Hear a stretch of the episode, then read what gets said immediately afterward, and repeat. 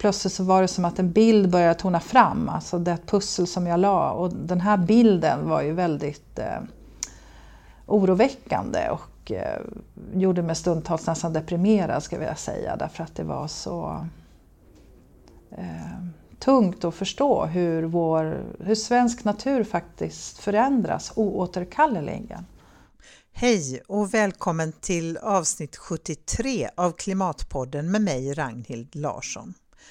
Här får du möta forskare, aktivister, entreprenörer och alla andra som på olika sätt engagerar sig för att bromsa klimatkrisen. Dagens gäst är Erika Bjärström, klimatkorrespondent på Sveriges Television. Som utrikeskorre har hon bevakat miljö och klimatfrågor globalt ända sedan 80-talet i bland annat Afrika, USA och Bryssel. Nyligen gav hon ut boken Klimatkrisens Sverige. Så förändras vårt land från norr till söder. Det här är den första boken eh, som beskriver hur Sverige förändras av det varmare klimatet. Hur floran och faunan, sjöarna och fjällen, stränderna och öarna påverkas på ett oåterkalleligt sätt. Erika Bjärström har rest från Abisko till Falsterbo och visar hur Sverige värms upp snabbare än många andra länder. Hon möter forskare som är djupt oroade. Alla menar att förändringarna går så mycket fortare än de trodde. Ja, uppvärmningen går dubbelt så fort i Sverige jämfört med genomsnittet i världen. Det innebär att vintrarna håller på att försvinna. Stränderna i Skåne och öar i Stockholms skärgård håller på att försvinna. Och fjällen är på väg att växa igen. 11 meter per dygn. Så snabbt förflyttar sig klimatzonerna norrut i Sverige. Jag träffade Erika på hennes arbetsplats på Sveriges Television i Stockholm i början av eh, september. Ja, det blev ett kortare samtal än vanligt i Klimatpodden på grund av tidsbrist, så jag rekommenderar verkligen alla att läsa Erikas bok. För fem år sedan, den 4 september 2015, publicerade jag det allra första avsnittet av Klimatpodden med Bo Norman som gäst. Och jag vill verkligen tacka alla som har medverkat och alla som har lyssnat och stöttat podden på olika sätt så här långt. Det har varit många fantastiskt inspirerande och livsavgörande möten och jag är väldigt glad för all positiv respons jag har fått. Jag startade Klimatpodden för att jag var djupt oroad över klimatförändringarna och förundrad över hur bristfällig mediebevakningen var av det största hot vår civilisation har stått inför. Jag var upprörd över att våra politiker, trots alla vackra ord, inte på allvar prioriterade klimatkrisen. Fem år senare är jag ännu mer oroad, förundrad och upprörd. Ju fler forskare och andra som jag har intervjuat, desto större har insikten blivit om att utvecklingen fortsätter att gå åt helt fel håll. Till slut ledde denna insikt till att jag gick från att vara en observatör av klimatkrisen till att bli klimataktivist i den internationella klimatrörelsen Extinction Rebellion. Jag tror att de flesta som bor i Sverige inser att vi har någon form av klimatkris. Men jag tror att väldigt många fortfarande inte har insett hur djup denna kris är eller att det är upp till oss nu att försöka göra vad vi kan för att mildra de värsta effekterna av klimatkrisen. Den insikten behöver drabba oss för att vi ska börja agera och inte bara vänta på att någon annan ska fixa problemen. Ja, det är väl det jag önskar mig mest av allt just nu, att fler ska engagera sig. Vi behöver bli många, många fler som agerar för en beboelig planet. Och genom Klimatpodden hoppas jag kunna öka den kunskapen och inspirera till engagemang. Klimatpodden är ju som du säkert vet helt reklamfri, så om du vill stötta arbetet med att göra den så är du välkommen att sätta in en valfri summa, stor eller liten, på Klimatpoddens eget Swish-konto.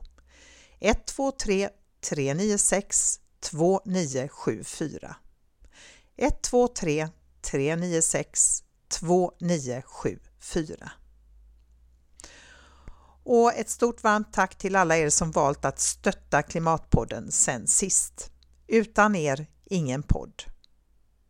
Och ett annat väldigt bra sätt att stötta podden är förstås att tipsa släkt, vänner, bekanta och alla andra att lyssna. Och hör gärna av dig med synpunkter och förslag på gäster eh, till kommande avsnitt. Men nu är det hög tid att köra igång dagens avsnitt med Erika Bjärström. Varsågoda! Välkommen till Klimatpodden Erika Bjärström. Tack! Vem är du? Eh, jag är journalist, bor i Stockholm, arbetar på Sveriges Television, har varit utrikeskorrespondent och rest globalt i många år nu.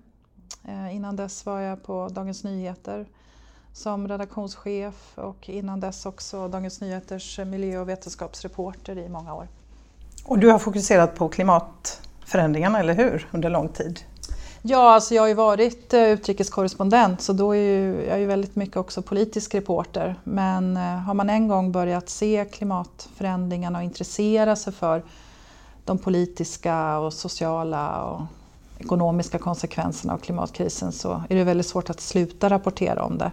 Och i och med att jag har haft eh, förmånen att få resa så mycket och till så många länder så har det ju alltid funnits, det finns ju alltid klimatreportage att göra vart man än kommer. Mm. Och sen så flyttade du hem då, för du var utomlands, du bodde utomlands under en längre tid? Ja, senast så var jag USA-korrespondent mm. och flyttade hem 2016. Och då skriver du också någonstans om att då så upptäckte du att klimatförändringarna fanns ju här också. Ja, tidigare så har det här med klimatförändringar i Sverige för mig mer varit en sorts prognos, att det här kommer att hända. Men när jag flyttade hem från USA där jag hade bevakat det här med skogsbränder till exempel och havsnivåhöjningar och där det har ganska dramatiska konsekvenser så var det som att jag såg på mitt land med andra ögon och insåg att men det här händer redan. Vi hade ju skogsbränderna 2018. Ehm, nu i Falsterbo så ska man ju bygga skyddsmurar, havet stiger.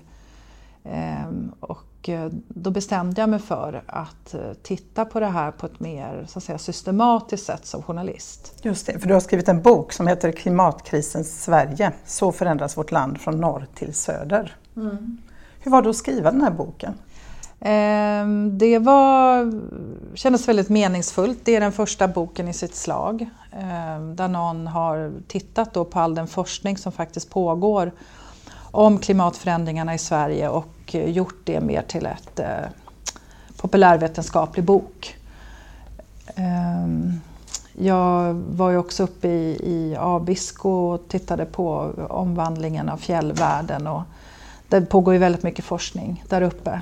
Så att, ehm, eh, det kändes meningsfullt men sen måste jag också säga att det var smärtsamt. Eh, för det var ju som att lägga ett pussel.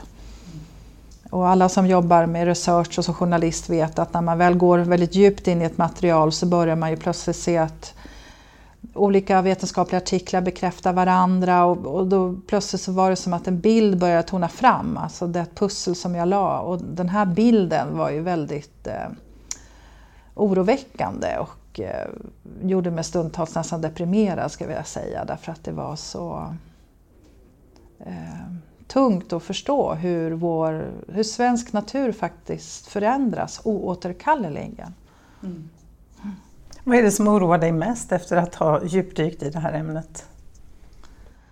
Ja, oron lever vi väl alla med men, men det är väl just insikten att eh, natur förändras och eh, den, så att säga, kulturhis de kulturhistoriska värden som svensk natur har för oss svenskar med jag tänker liksom midsommarblomster, lingon, eh, blåbär, eh, vitsipper, blåsipper. Att, eh, de måste ju alla nu migrera norrut för att hitta igen den, de svalare temperaturer som de trivs med och på sikt så kommer inte de vara kvar. Utan vad som händer är ju att det är växter och djur som migrerar från Europa upp genom Europa till Sverige. Eh, så att det kommer ju, det är ju inte så att vi inte kommer ha natur men den kommer se ut på ett annat sätt. Det kommer vara härfåglar och blåkråkor och sånt som trivs i, i södra Europa. Eh, och då kan man ju liksom kanske tycka att jag gör det så mycket då? Jag menar, om man jämför med andra länder där folk ju faktiskt eh, jag menar, tvingas fly på grund av torka eller översvämningar och sådär. Jag skriver ju det i boken att jag vill liksom inte avgöra vad som är var och ens smärtpunkt kring det här. Utan jag tror, och jag har märkt också på reaktionerna från läsare att olika människor tar till sig olika delar beroende på var min kärlek till svensk natur ligger någonstans. Är det kanske att många öar i Stockholms skärgård kommer att översvämmas? Eller handlar det om sandstränderna i Skåne som kommer att försvinna?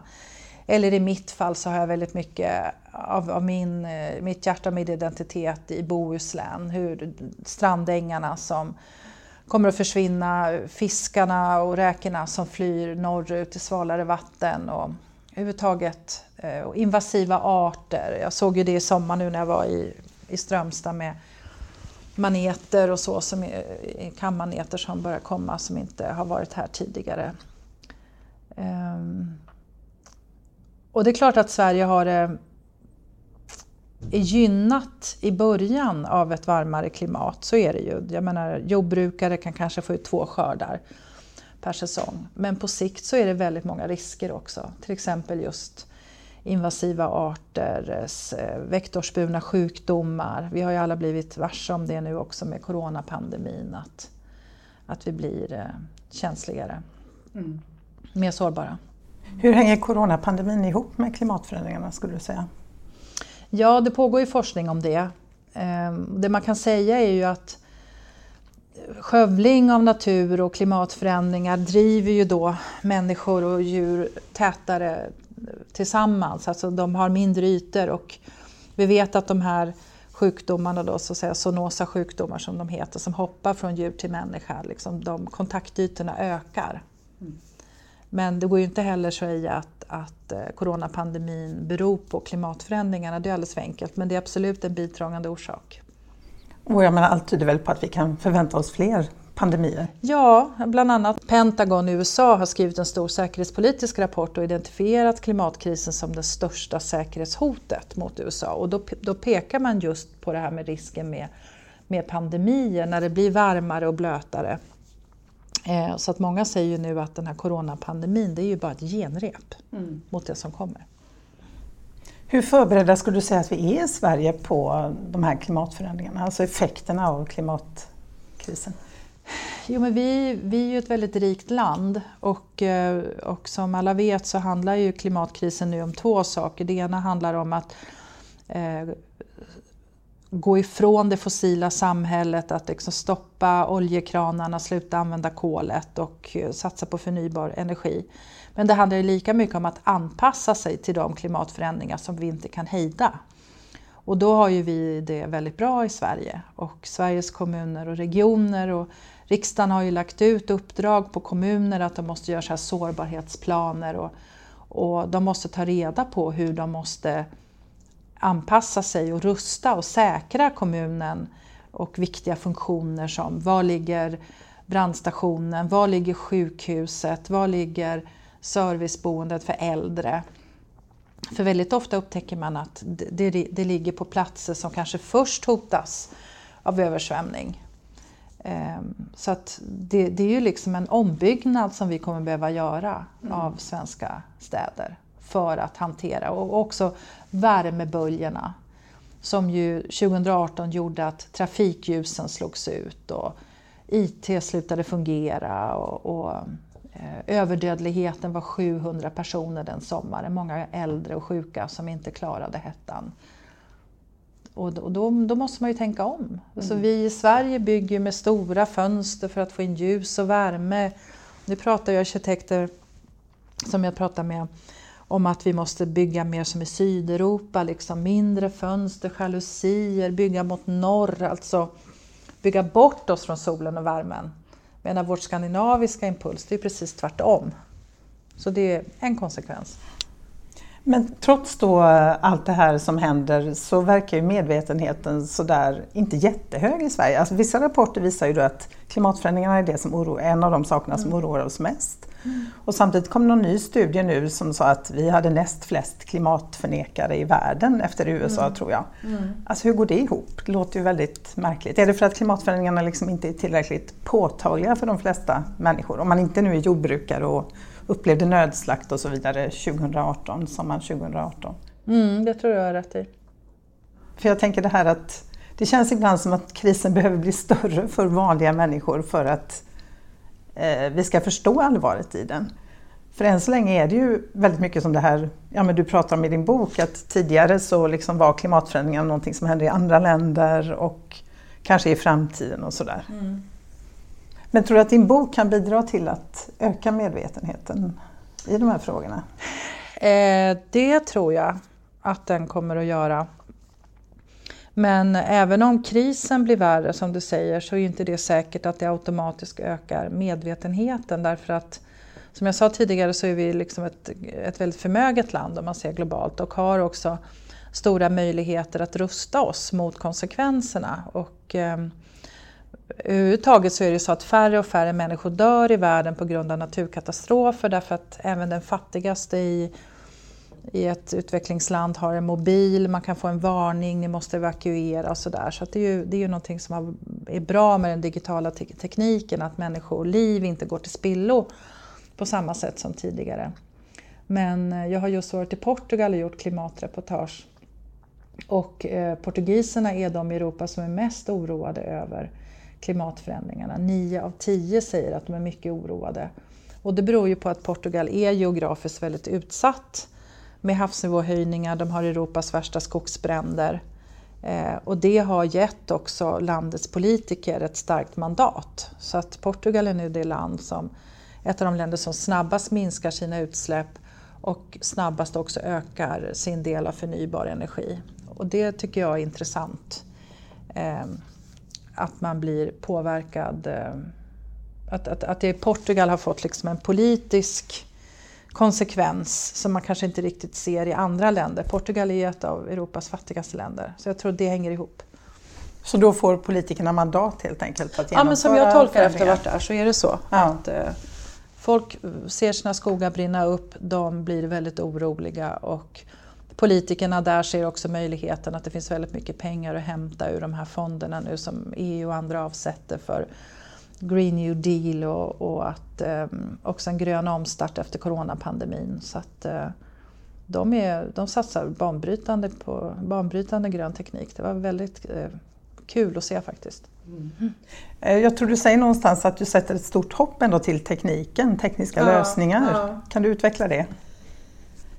Nej men alltså, vi behöver ju ersätta den fossila tekniken med nya lösningar och det är väldigt komplicerat därför att olja och kol är ju fantastiska energikällor. De är väldigt eh, tillgängliga, de är väldigt pålitliga, de fungerar dag som natt.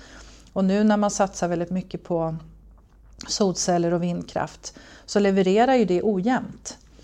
Så att då måste man ju börja satsa på andra lösningar. I Portugal har man nu tagit beslut om ett av Europas första vätgasindustrier. Man har också ska sjösätta eh, kommersiella vågkraftverk. Och då, de två energikällorna är då tänkta att jämna ut toppar och dalar med, tank, med, med tanke på hur vind och sol levererar. Så att det är inte så att du kan ersätta kolet med en sak utan det är som en mosaik av förnybar energi som kompletterar varandra. Eh, och det, de entreprenörer jag träffade i Portugal de tyckte det här var väldigt spännande och de ser möjligheter till eh, ja, men framförallt att det skapar nya jobb, att det skapar intäkter. Mm. Det är ju Kevin Anderson, klimatprofessorn, väldigt mycket inne på att det inte är så att folk kommer bli arbetslösa. Alltså det finns mm. För att man blir till exempel inte får jobb i kolkraftverket mm. eller på Preem eller något därför att det finns så enormt mycket jobb som mm. liksom behöver göras i den gröna omställningen. Mm. Det, min erfarenhet, och jag har varit i Spanien och gjort ett jobb också tidigare år om, om omställningen där och de stänger kolkraftverk och det var ju inte de som blev avskedade från kolkraftverken som fick jobb för de hade inte riktigt kunskaper så det räckte. Nej, så det är ju som, det, det som vid alla stora skiften, varvskrisen i Sverige och så, så är det ju människor som hamnar i kläm och sen är det nästa generation kanske som har lättare att få jobb. Mm. Men du som nu då har tittat lite på olika kommuner, bland annat Norrköping där man jobbar väldigt mycket med då mm. att förbereda sig. Hur väl förberedda är Sveriges kommuner skulle säga generellt på klimatförändringarna? Det varierar väldigt mycket. Ja. Så det är svårt Absolut, och jag tror det är ett arbete som, eh, som pågår nu. Men det finns en frustration därför att det finns ingen myndighet i Sverige som har det övergripande ansvaret att koordinera det här med resiliens, alltså hur bygger vi mer motståndskraftiga samhällen, utan det är liksom utlagt på Sveriges kommuner och regioner och på eh, MSB och på jag tror Statens geologiska undersökningar, med flera stycken som delar på det, Bo, Boverket. Eh, och det finns ett önskemål bland kommunerna att det skulle vara bra om det var en myndighet som höll i det här. Mm. Du skriver också att det pratas ganska lite om det här, de här förberedelserna som pågår. Ja, alltså det är inget som debatteras kom, speciellt mycket? Kommunerna pratar ju om det sinsemellan men, men eh, nej, det är inte så mycket bevakning på det. Jag tycker medierna är ganska dåliga också på att uppmärksamma det här för det är ju, det är ju jättespännande och bra lokaljournalistik. Jag var inne och tittade på eh, Gävle kommun, Gävleborgs kommun som jag kommer ifrån, eh, Höganäs och, och, och, och, läste liksom hur de, de riskanalyser de har gjort och vilka planer de har på att bygga om. Och det finns ju jättemycket att diskutera och ifrågasätta och granska där. Så ett uppslag helt enkelt? Till mina journalistkollegor, ja. Alltså hur skulle du säga att journalistiken eh, när det gäller klimatfrågan har utvecklats under de åren du har hållit på, vilket ju är, du har hållit på ganska länge nu? Jag har hållit på länge. Eh, det har ju gått igenom olika faser. Ehm, från larmjournalistiken väldigt mycket som var väldigt bred på 80 och 90-talet kring eh, där företagen verkligen var bovarna. Deras utsläpp. Och sen att vi började ju då att eh, bevaka globala miljöfrågor, klimatfrågan började komma in.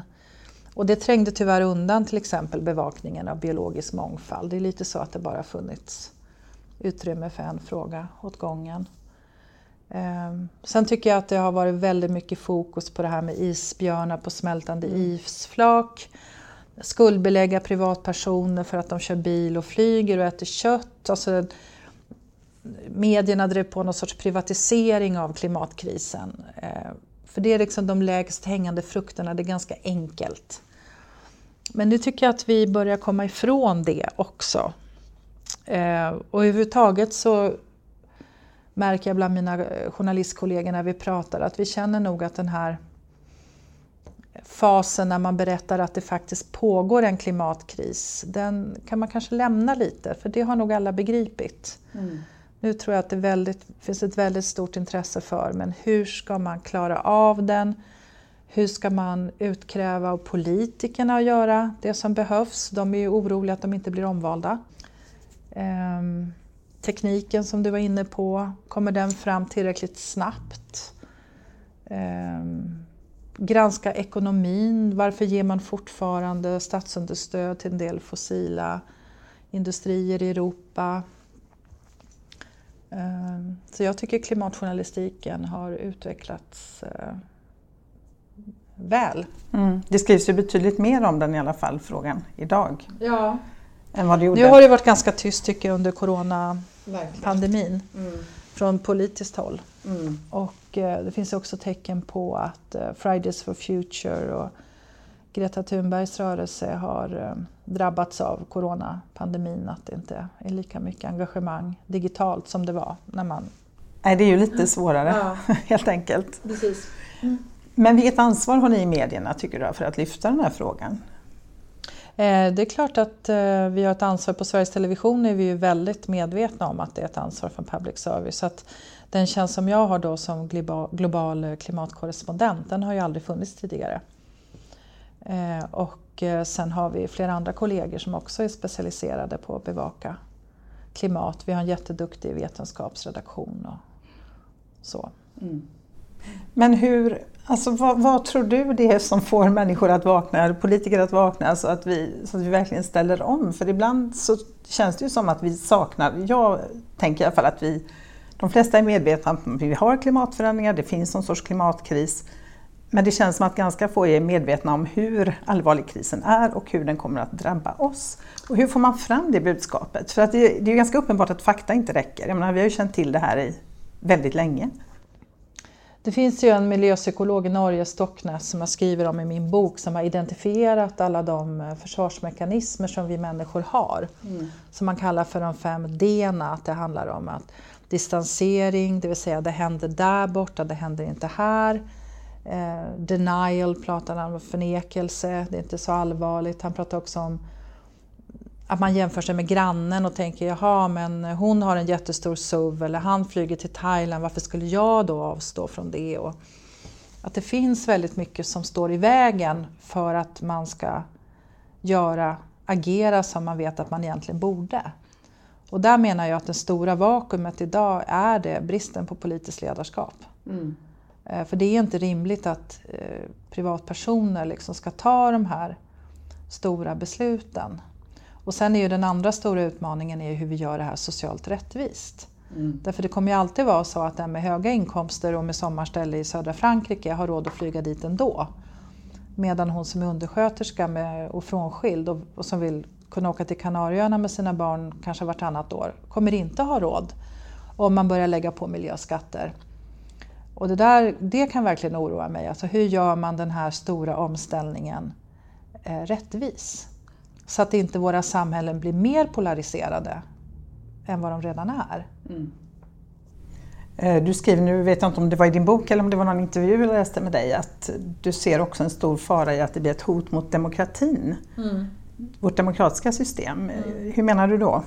Nej, men I förlängningen är ju det som sker, att om det blir mer och mer polariserat och att människor inte känner att politiker representerar dem och deras verklighet jag tänker på det här upproret som blev eh, på franska landsbygden, de gula västarna, när Macron pratade om att höja bensinskatten.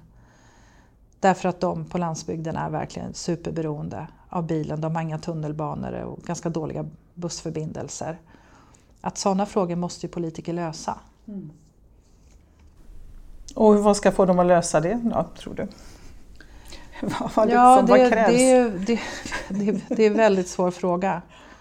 Um, ibland tänker jag att det behövs någon verkligen supergigantisk katastrof. Låt säga att hela London hamnar under vatten, mm. 500 000 döda. Och klimatforskarna säger att ja, det här är en konsekvens av ett varmare och blötare klimat. Det här hade inte kunnat hända om det inte var för att vi har pumpat atmosfären full med, med koldioxid. Eh, det är ju förstås inte önskvärt.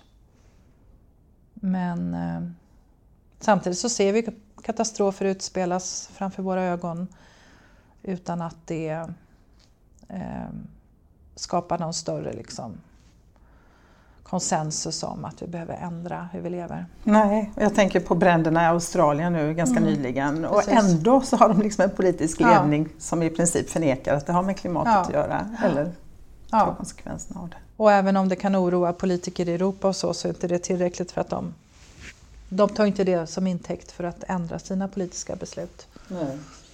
Men samtidigt så är det väl så att vi har ju de politiker vi förtjänar om det är så att eh, eh, om det nu fanns ett parti att rösta på som, som sa att vi kommer att förbjuda flygresor och vi kommer att, jag bara hitta på några väldigt så extrema åtgärder nu.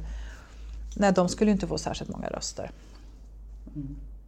Nej. Um, Nej, jag tänker på också sommaren 2018 här när det var där väl ändå väldigt många blev varse. Det här mm. kan bli liksom mm. effekterna och så här mm. kan det bli. Och, men för, det partiet som driver klimatfrågan kanske hårdast i riksdagen, eh, i regeringen då, Miljöpartiet, så gick det inte speciellt bra i mm.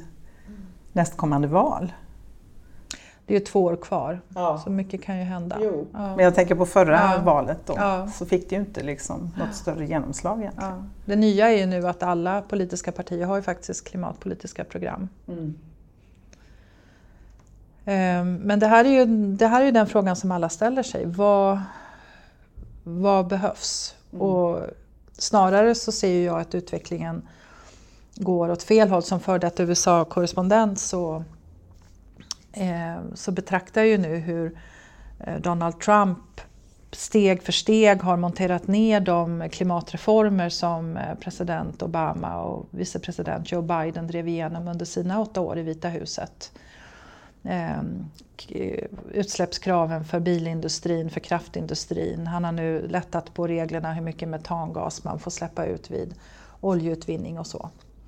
Så att under hans fyra år så har ju eh, USA enligt den här Climate Performance Index rasat ner i en bottenliga och ligger där tillsammans med Saudiarabien. Och USA var ju faktiskt på kurs ett tag mot att leva upp till Parismålet och minsk, började minska sina CO2-utsläpp. Mm. Men eh, Donald Trump har ju gjort klart att klimatkrisen, alltså USA har långt värre problem än klimatkrisen. Medan eh, Joe Biden går till val på som sagt ett ganska omfattande eh, klimatprogram och vill satsa på, ha infrastruktursatsningar och skapa världens snabbaste, bästa järnvägssystem och sådär. Mm. Och om Donald Trump vinner den 3 november då lämnar USA Parisavtalet den 4 november. Men om Joe Biden vinner valet 3 november då blir hans första beslut han sagt att se till att USA stannar kvar. Mm. Och att han inom 100 dagar kommer kalla till ett globalt toppmöte om klimatet.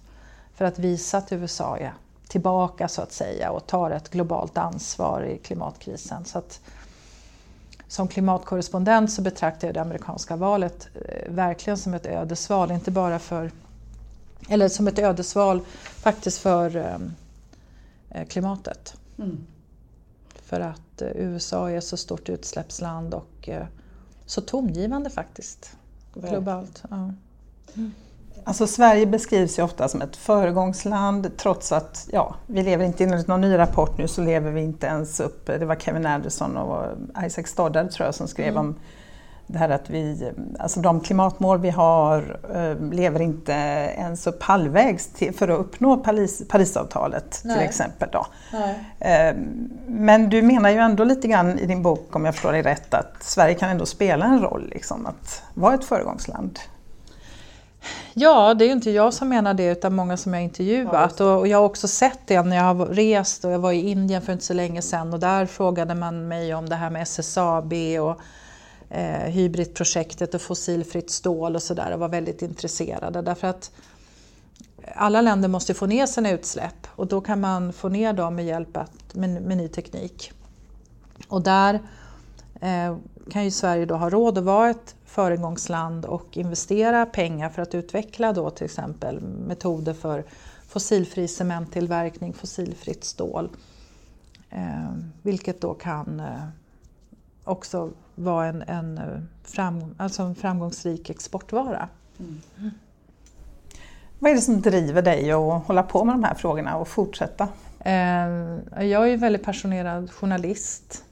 Eh, jag älskar att vara liksom en betraktare och det som är kul med att hålla på så länge, nu har jag faktiskt nästan jobbat i 40 år som journalist, det är ju att se hur tidsandan förändras och att vara snabb med att få syn på det och förstå vad det kan betyda. Och, att resa som jag gjort nu, för två veckor sedan så stod jag uppe i bergen i centrala Portugal och mötte en förtvivlad skogsägare vars skog brann upp på en dag. En, en stor personlig tragedi. Och att samma eftermiddag få träffa entreprenörer som har utvecklat solcellsdrivna båtar som det är tre års väntetid nu på att beställa för de är en sån stor kommersiell framgång. Alltså att få stå där och vara med liksom, i fronten och eh, prata med de här människorna om, om hur, deras tankar och känslor och planer och sådär. Det är ju fantastiskt roligt. Så det driver mig. Tack Rika Bjärström för att jag fick sitta här och prata med dig en stund om detta. Tack själv.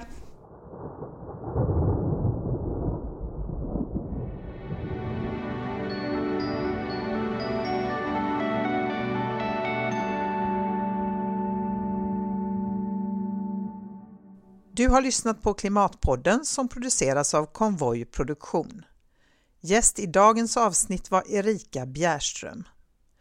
Du hittar mer information om Klimatpodden på hemsidan klimatpodden.se. Klimatpodden finns på alla ställen där poddar finns och du kan följa podden på Twitter och Facebook. Signaturmelodin är skapad av Tommy Kaso och loggan till Klimatpodden är gjord av Hannes Larsson. Om du vill stötta arbetet med podden är du välkommen att swisha valfri summa till 123 396 2974 alltså 123 396 2974.